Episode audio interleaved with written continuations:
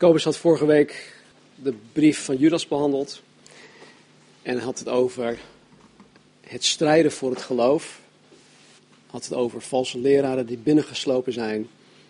Dat gebeurde destijds al 2000 jaar geleden. Gebeurt vandaag de dag nog steeds. En wat krijgen we dan? Op maandag komt er een artikel uit in het NRC Handelsblad. Wat juist precies daarover vertelt. De timing vond ik wel, uh, wel mooi. Dus, uh, nou, twee zondagen terug, alweer, waren we gebleven bij het stuk waarin Jezus, Petrus, uh, Jacobus en Johannes terugkwamen van hun bergtopervaring. En op het moment dat ze dus van de berg afkwamen, werden ze meteen al geconfronteerd met het werk van Satan, die dan een jongetje jarenlang al had bezeten. En de overige negen discipelen, die dus niet met Jezus en die andere drie de berg opgingen, zij konden dit jongetje niet helpen. Ze konden de vader niet helpen, ze konden dit jongetje niet helpen. En ze konden hem niet helpen, ondanks dat Jezus hen in hoofdstuk 10 de macht over demonen had gegeven. Ondanks dat Jezus hen de macht gegeven had, de kracht gegeven had, lukte het hen op dit moment niet. En want sinds die tijd, sinds Matthäus hoofdstuk 10, sinds de eerste zending, hadden ze daadwerkelijk demonen uitgedreven. Maar op een gegeven moment hadden ze blijkbaar een onvoldoende verbinding met God de Vader, die hen deze macht gegeven had. En maar goed, Jezus, die was er wel klaar voor, want uiteindelijk ging hij de berg op om te bidden. En hij dreef de demon uit deze jongen. Deze jongen was hersteld, die was genezen, die was weer helemaal nieuw. En logisch vroegen de discipelen waarom zij de demon niet uit konden drijven. En Jezus geeft hen daar een heel duidelijk antwoord op. Nou, mocht je die studie gemist hebben, dan raad ik je aan om die alsnog te gaan beluisteren. Hij staat op de website. Onder de titel Mosterdzaadgeloof versus kleingeloof. Maar vanmorgen maken wij Matthäus 17 af en we pakken het op bij vers 22. Dus Matthäus 17, vers 22.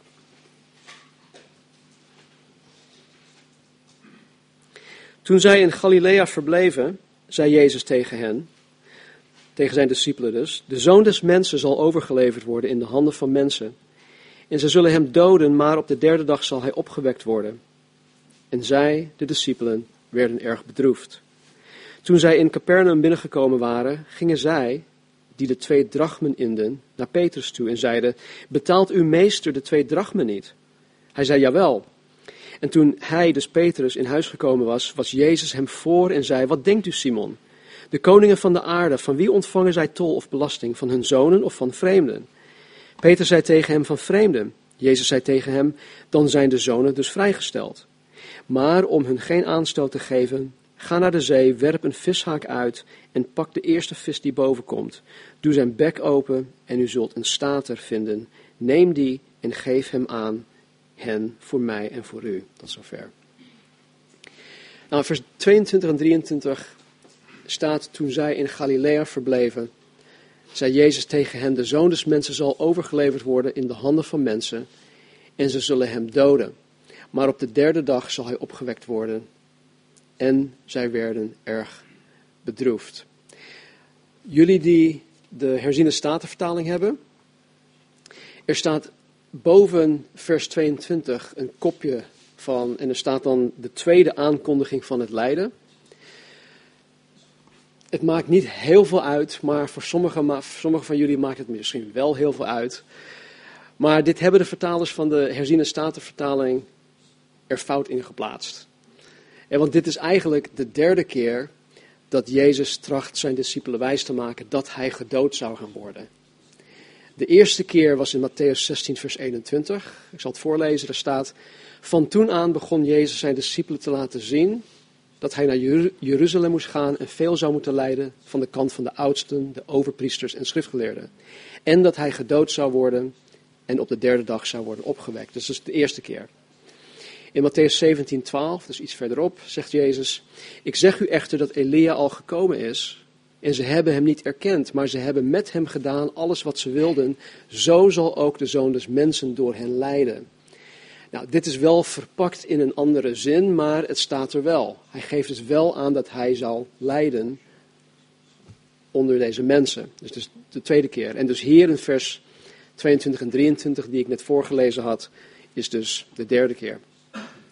Nou goed, Jezus noemt zichzelf hier de zoon des mensen. Dit is een, een uitdrukking die de profeet Daniel gebruikte toen hij van God een, een visioen kreeg. Daniel was een heel apart mens. Hij, hij, hij, kreeg dromen van God, hij kreeg visioenen van God. En in deze specifieke visioen in Daniel 7 zag hij de komende Messias en hij noemde hem een mensenzoon. Ik zal het voorlezen. Het is terug te vinden in Daniel 7, vers 13 en 14. Hij zegt, ik Daniel keek toe in een nachtvisioen en zie, er kwam met de wolken van de hemel iemand met een hoofdletter I als een mensenzoon. Hij kwam tot de oude vandaag en men deed hem voor zijn aangezicht naderbij komen. Hem werd gegeven, dus de mensenzoon, heerschappij, eer en koningschap. En alle volken, naties en talen moesten hem vereren. Zijn heerschappij is een eeuwige heerschappij die hem niet ontnomen zal worden en zijn koningschap zal niet te gronden gaan. Daniel sprak hier van Jezus Christus, de Messias. Hij had geen flauw idee waar hij het over had zelf, maar hij profeteerde over de Messias. En hij zag Jezus in de vorm van een mensenzoon, oftewel als de zoon des mensen, dezelfde term. Dit betekent enerzijds dat Jezus 100% mens geworden is. Het, het, het, identificeert Jezus, die God is, met de mens. Anderzijds is de uitdrukking mensenzoon of zoon des mensen een beschrijving van Jezus zelf als Messias. Dus als Jezus zichzelf de zoon des mensen noemt, dan zegt hij als het ware, ik ben de Messias. Ik ben zoon des mensen, ik ben dus de Messias. En hij gebruikte deze uitdrukking voor zichzelf in Matthäus. In Matthäus noemt Jezus zichzelf de zoon des mensen 32 keer. De term zoon van God, dat komt tien keer voor in het evangelie van Matthäus. Maar dat wordt niet eens door Jezus zelf gebruikt, dat wordt, dat wordt door anderen gebruikt. Die Jezus dan de zoon van God noemen. Dus de, de, de naam zoon des mensen is best wel belangrijk.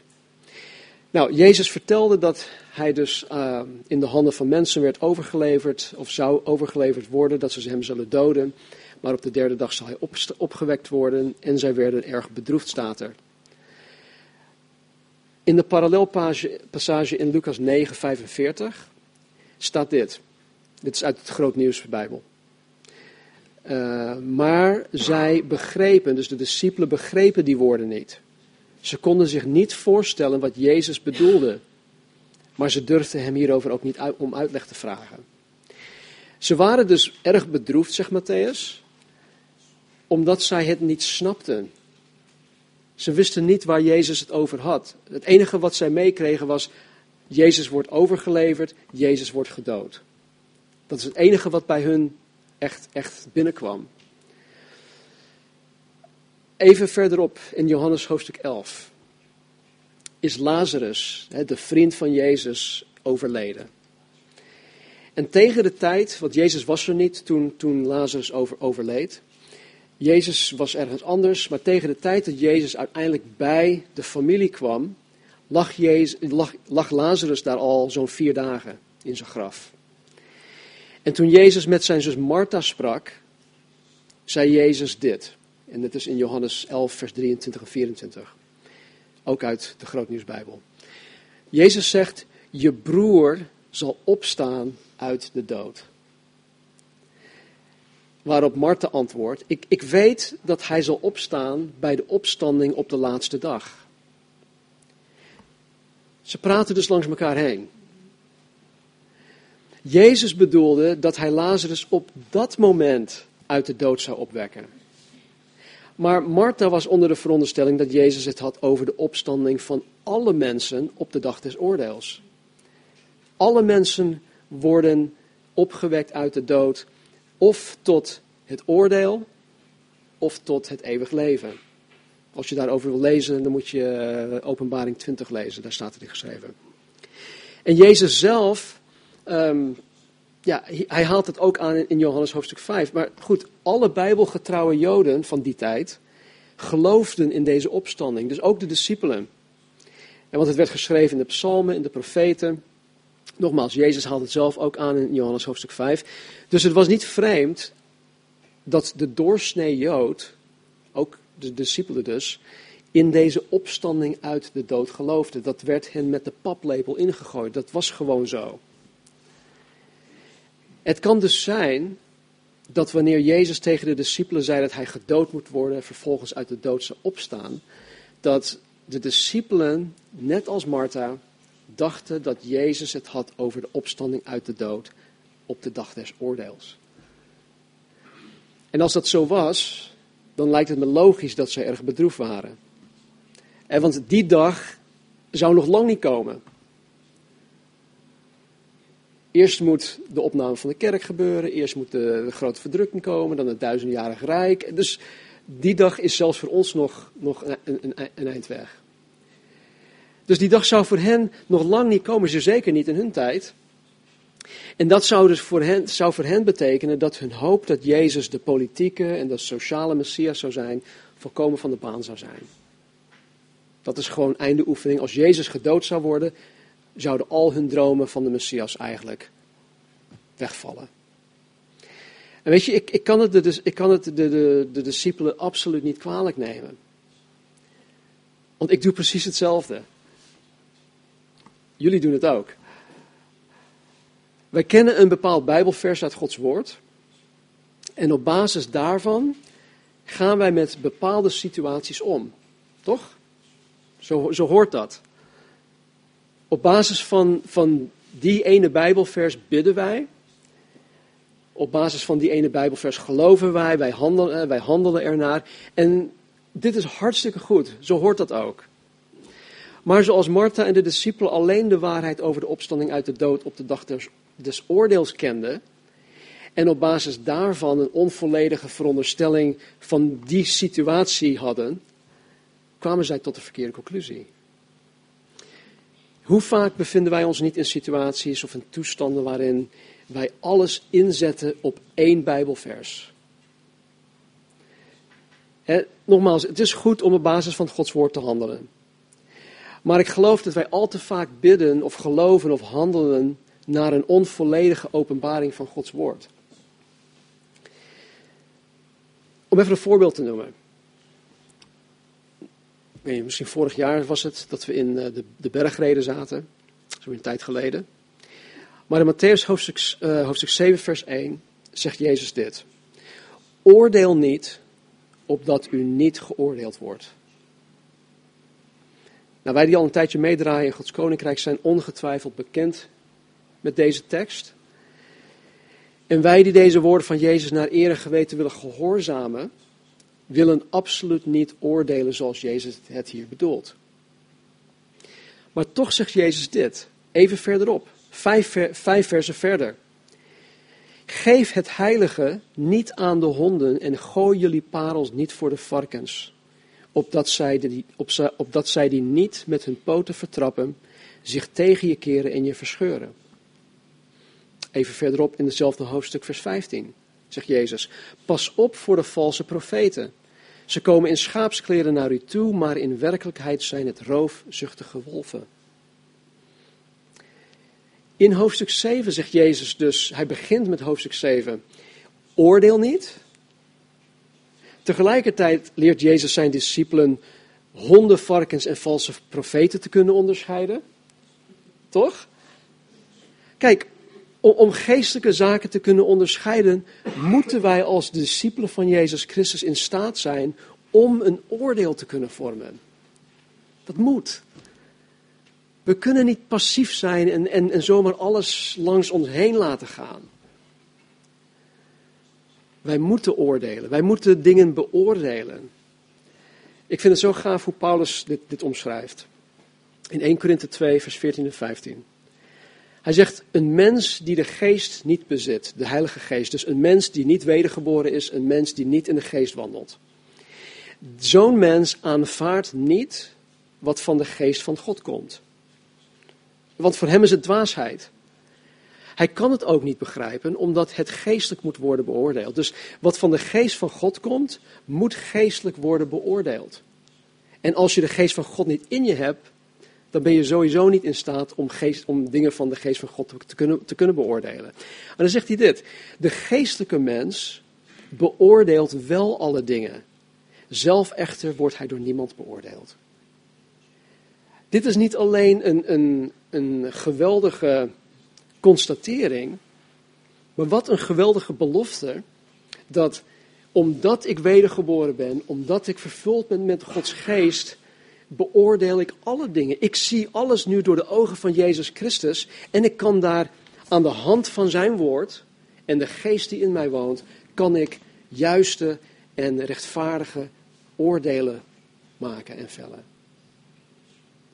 Door zijn wijsheid ben ik, zijn jullie, worden jullie in staat gesteld om dat te kunnen doen.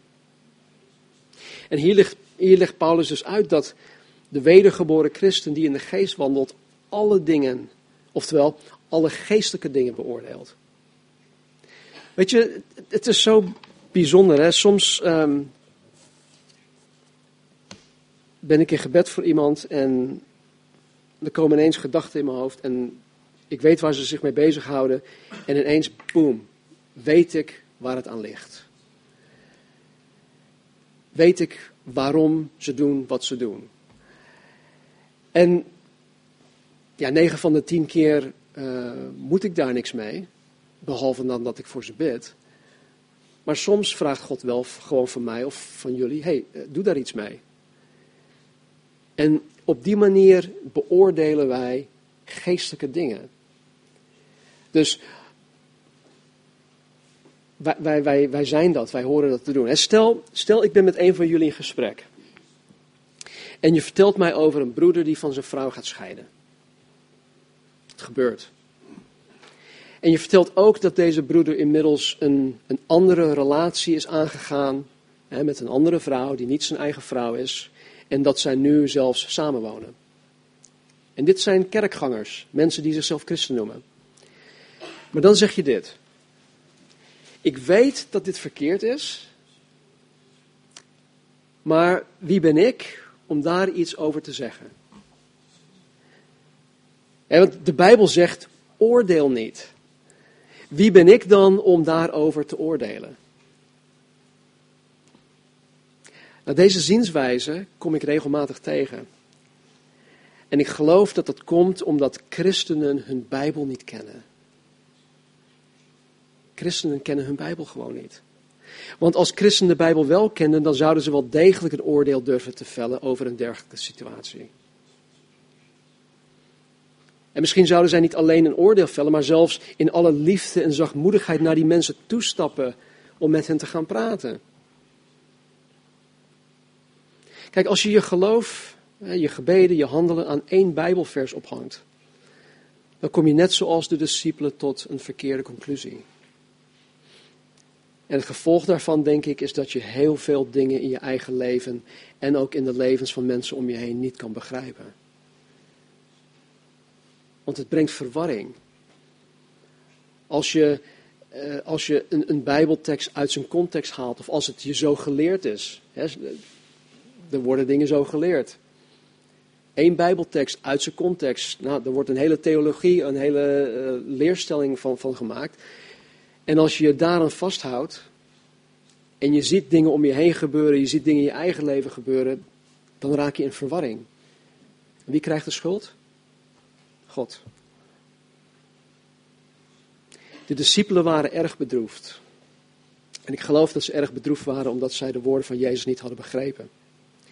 Vers 24. Toen zij in Capernaum binnengekomen waren, gingen zij die de twee drachmen inden naar Petrus toe en ze zeiden: Betaalt uw meester de twee drachmen niet? Nou, elk voorjaar moest ieder Joodse man boven de 19 jaar oud, dus 20-jarigen, of vanaf 20-jarigen, de tempelbelasting betalen. Tempelbelasting. En dit was voor het onderhoud van de tempel in Jeruzalem.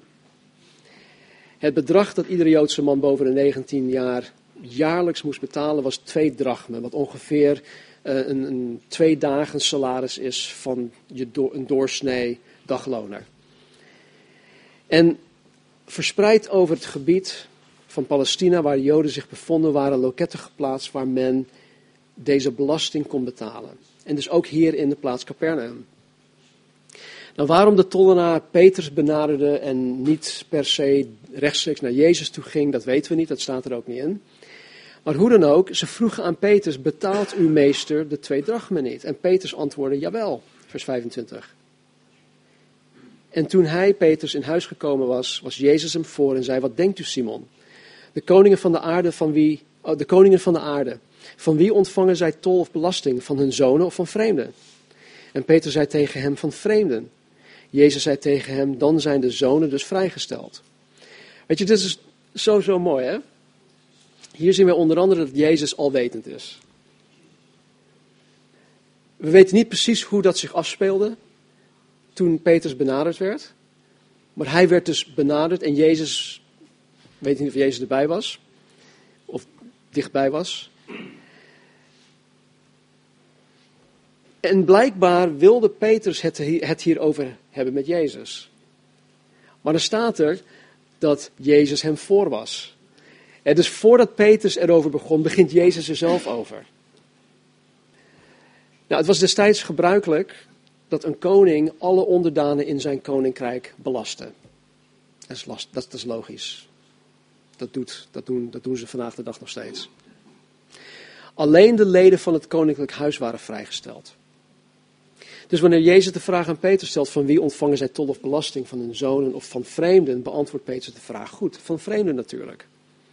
De koning int dus alleen belasting van vreemden, niet van de leden van het koninklijk huis. En Jezus bevestigt dan dat de zonen dus vrijgesteld zijn van het betalen van belasting. Ja? In het geval van Jezus, heel bijzonder geval, maar in het geval van Jezus is de tempel het eigendom van God. Het draait om God. De tempel is Gods eigendom.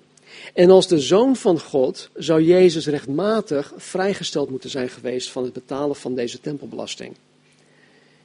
Daarnaast, als verlenging, verlengstuk of verlenging daarvan, zouden de, de discipelen van Jezus, zijn dienstknechten, zijn slaven, ook vrijgesteld moeten zijn. En maar stel, stel dat Jezus op zijn strepen zou staan en de tempelbelasting niet zou willen betalen. Dan zou hij iedereen de indruk geven dat hij de tempel en alles waar de tempel voor staat verwerpt. We weten vanuit de evangelie dat Jezus dit absoluut niet deed. Hij zegt, ik ben gekomen om de wet te vervullen. Hij hield zich nauwkeurig aan alle voorschriften. In de wet van Mozes, in de profeten en alles rondom de tempel. Nou, daarnaast, denk ik, moest Jezus ook aan de tollenaars denken. Stel dat Jezus de, de, de tempelbelasting niet betaalde dan zou Jezus hen in, in, in een hele benarde situatie brengen, hè, deze tollenaars. Want dan zouden zij zich aan hun manager in Jeruzalem moeten gaan verantwoorden. Hé, waarom heb je het niet van hem en hem geïnd? Die dertien mannen. Jezus en zijn discipelen. En dus zij zouden dan in Jeruzalem verantwoording moeten afleggen. En ik denk dat die manager dan zou zeggen van ja oké, uh, je hebt het nu niet gedaan, ga nu terug en ga het nu wel halen. Dus dan zouden ze in een hele nare situatie geplaatst worden door het te moeten afdwingen van Jezus en zijn discipelen. En ik geloof dat Jezus dus ook aan deze tollenaars dacht. Want ik geloof dat Jezus verreweg meer geïnteresseerd is in mensen, in het behoud van mensen, dan in zijn eigen rechten. Al is hij als zoon vrijgesteld van het betalen van belasting, dan is hij nog niet vrijgesteld van de wet van de liefde. En dat geldt ook voor ons. Luister wat Jezus hier zegt in vers 27. Maar om hun geen aanstoot te geven.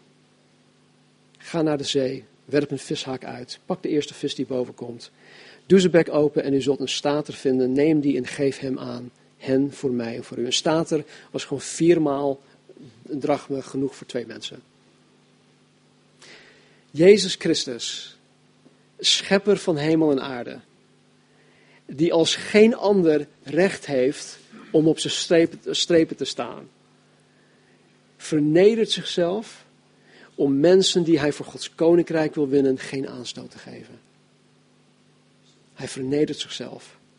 Hier kiest Jezus ervoor om een wonder te verrichten in plaats van dat hij aanstoot geeft aan een tollenaar. En tollenaren die waren niet geliefd onder, onder het Joods volk. Er zijn momenten wanneer je als christen de genade en de liefde van God kan tonen door jezelf te onderwerpen. En ik denk dat dat vaker voorkomt of voor hoort te komen dan dat je jezelf verzet. Er zijn momenten wanneer je, je Gods liefde en genade kan tonen door jezelf te onderwerpen in plaats van je te verzetten. En weet je, dat geldt op alle gebieden in je leven. Echt alles. Er is geen enkel gebied in je leven waar dat, waar dat niet geldt. Als Nederlandse staatsburger. Hè, kan zomaar zijn, als Nederlandse staatsburger, dat je het niet altijd eens bent met de beslissingen die in Den Haag genomen worden. Toch? Het is mogelijk dat je het niet eens bent met de heffingen die de Belastingdienst wil innen. Maar wat in zo'n situatie belangrijk is, draag ik bij aan het bouwen van Gods koninkrijk als ik me verzet tegen Den Haag of tegen de Belastingdienst? Wat draagt het bij aan het bouwen van Gods koninkrijk als ik continu zit te klagen over hoeveel belasting er betaald moet worden? Of als ik continu zit te klagen dat mijn geld uh, de werklozen onderhoudt, of de allochtonen, of de Marokkanen, of de Turken, of wat dan ook.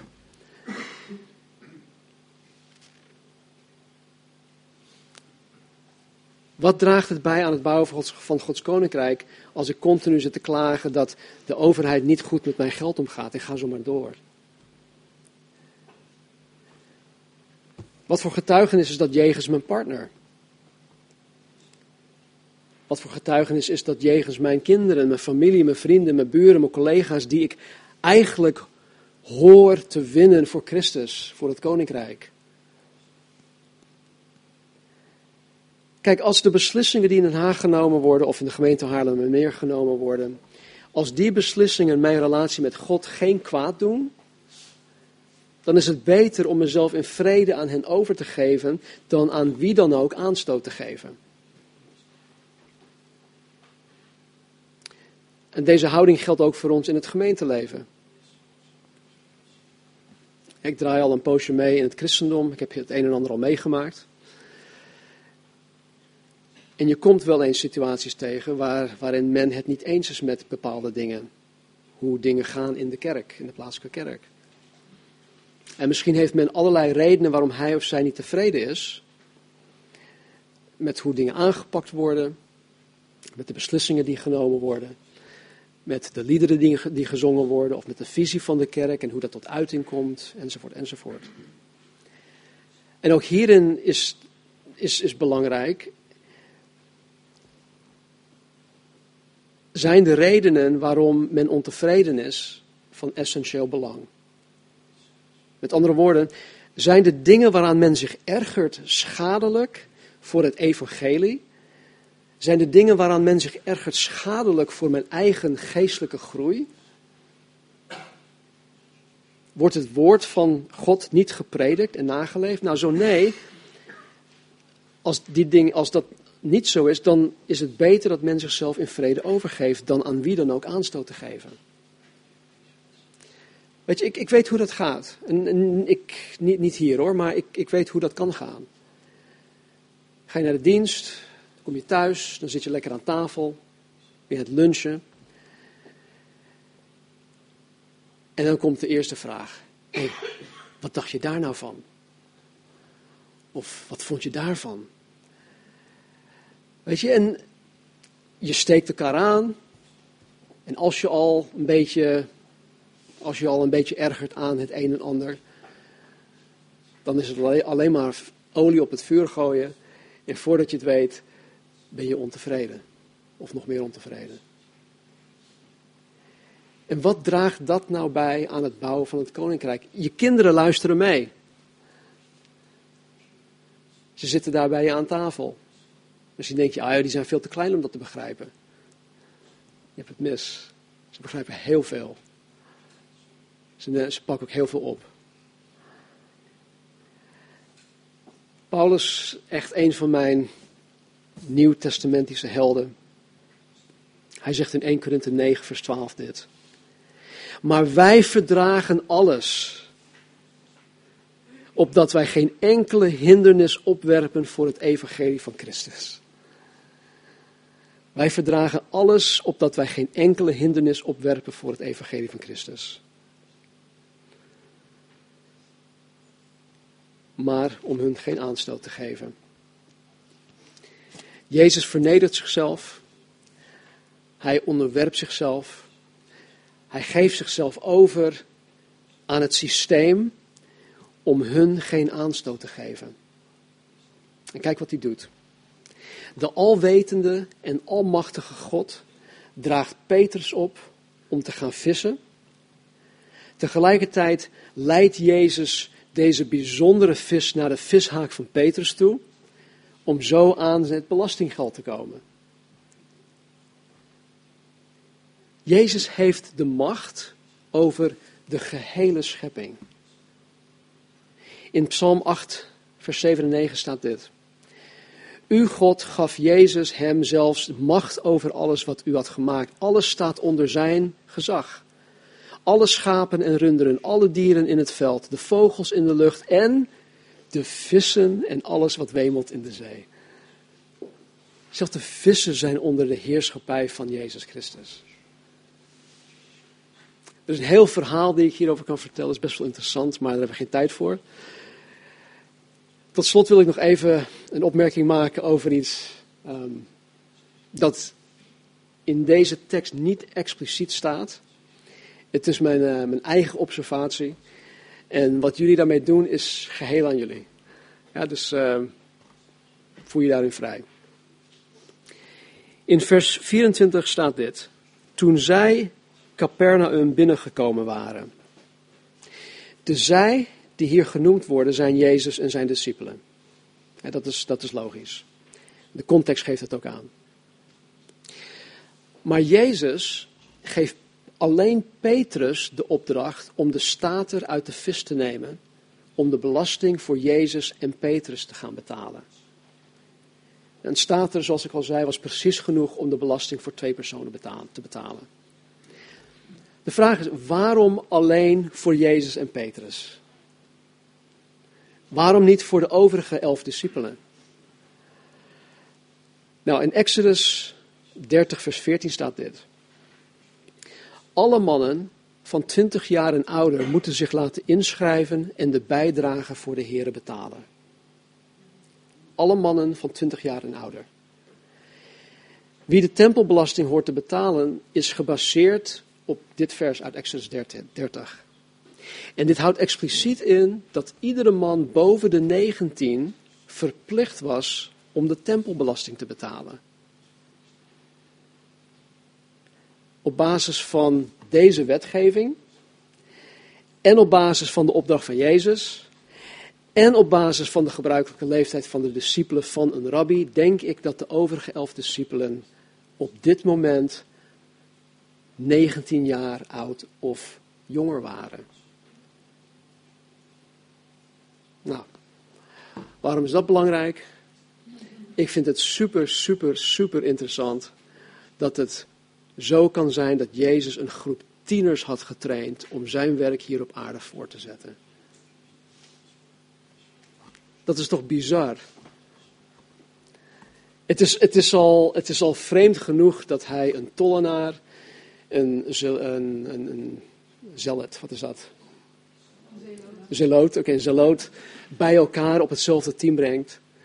Uh, vissers en, en dat soort vreemde vogels. Laat staan dat zij zelfs nog tieners waren. Want ze zijn nu al zo'n 2,5, 3 jaar met Jezus op pad. Dus ze waren waarschijnlijk ergens rond de 15, 16 toen zij door Jezus geroepen werd. Maar goed, nogmaals, doe daarmee wat je wil. Ik vind het interessant. En uh, dit hielp mij ook om vier jaar geleden de keus te maken om uh, te investeren in vier jonge mannen. Laten we bidden. Hemelse Vader, dank u wel voor, u, voor uw woord. Dank u wel dat u Jezus aan mij, aan ons hebt gegeven. Door wie de weg, heren, tot u, Vader, open staat. Dank u wel voor uw genade. Dank u wel voor het geloof die u ons gegeven heeft. Dank u wel dat u ons gered heeft, heren. En ik bid voor mezelf en ik bid voor een ieder van ons, heren. Red ons van onszelf. Heren, mijn grootste vijand is niet de Satan, is niet de wereld, maar ik ben mijn eigen grootste vijand. En ik kom elke dag opnieuw weer tegen. Dus heren, help ons deze week om geen aanstoot te geven. Niet aan onze partners, niet aan onze kinderen, niet aan onze familieleden of vrienden of kennissen of buren of collega's of school of klasgenoten. Ook niet de mensen op weg, heren, of op de weg. Help ons om bewust te zijn van onze handelingen. Help ons om bewust te zijn van onze houding jegens de overheid. Help ons om bewust te zijn over onze houding jegens eh, de Belastingdienst, heren, of, of wie dan ook, de gemeente Haarlemmermeer, of eh, welke andere instanties wij mee te maken hebben of krijgen. Onze werkgevers. Help ons, Vader, alstublieft, om geen aanstoot te geven. En om het geweldig voorbeeld van Jezus Christus te volgen, die zichzelf vernederd heeft. Die zichzelf overgegeven heeft, die zichzelf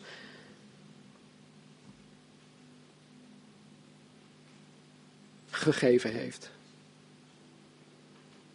Dus Heer, help ons. Vervul ons met uw geest. Kom ons tegemoet. Leer ons wijsheid. Zegen ons en stel ons tot zegen. Heer, omwille van uw naam. En Heer, wij die, die beschadigd zijn door dingen vanuit het verleden. Heel ons, Heer. Genees ons. Maak het beter. Heer, wij die verward zijn over dingen. Maak dingen weer duidelijk. Heer, wij die nalatig zijn in het lezen en bestuderen en het, het eigen maken van uw woord. Geef ons op dit moment, Heer, nieuwe kracht.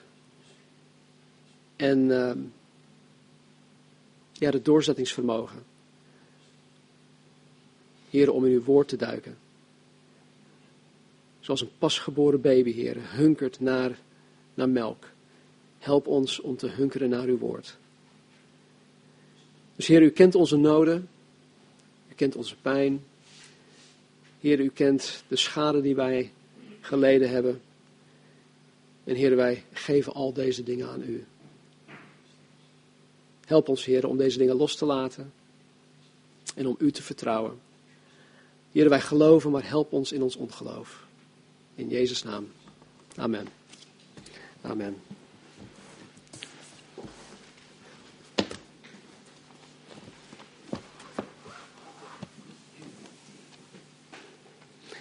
Laten we gaan staan.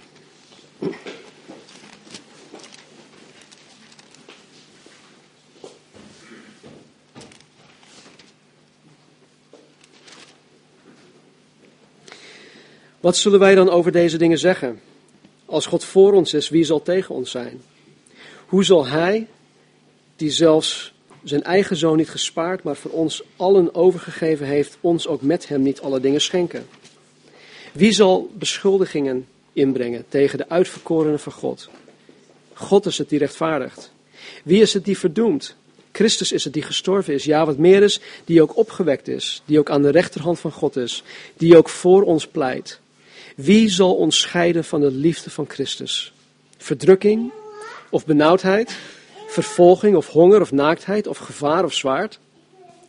Maar in dit alles zijn wij meer dan overwinnaars door Hem die ons heeft liefgehad. Want ik ben ervan overtuigd dat nog dood, nog leven, nog engelen, nog overheden, nog krachten, nog tegenwoordige, nog toekomstige dingen, nog hoogte, nog diepte, nog enig ander schepsel ons zal kunnen scheiden van de liefde van God in Christus Jezus, onze Heer.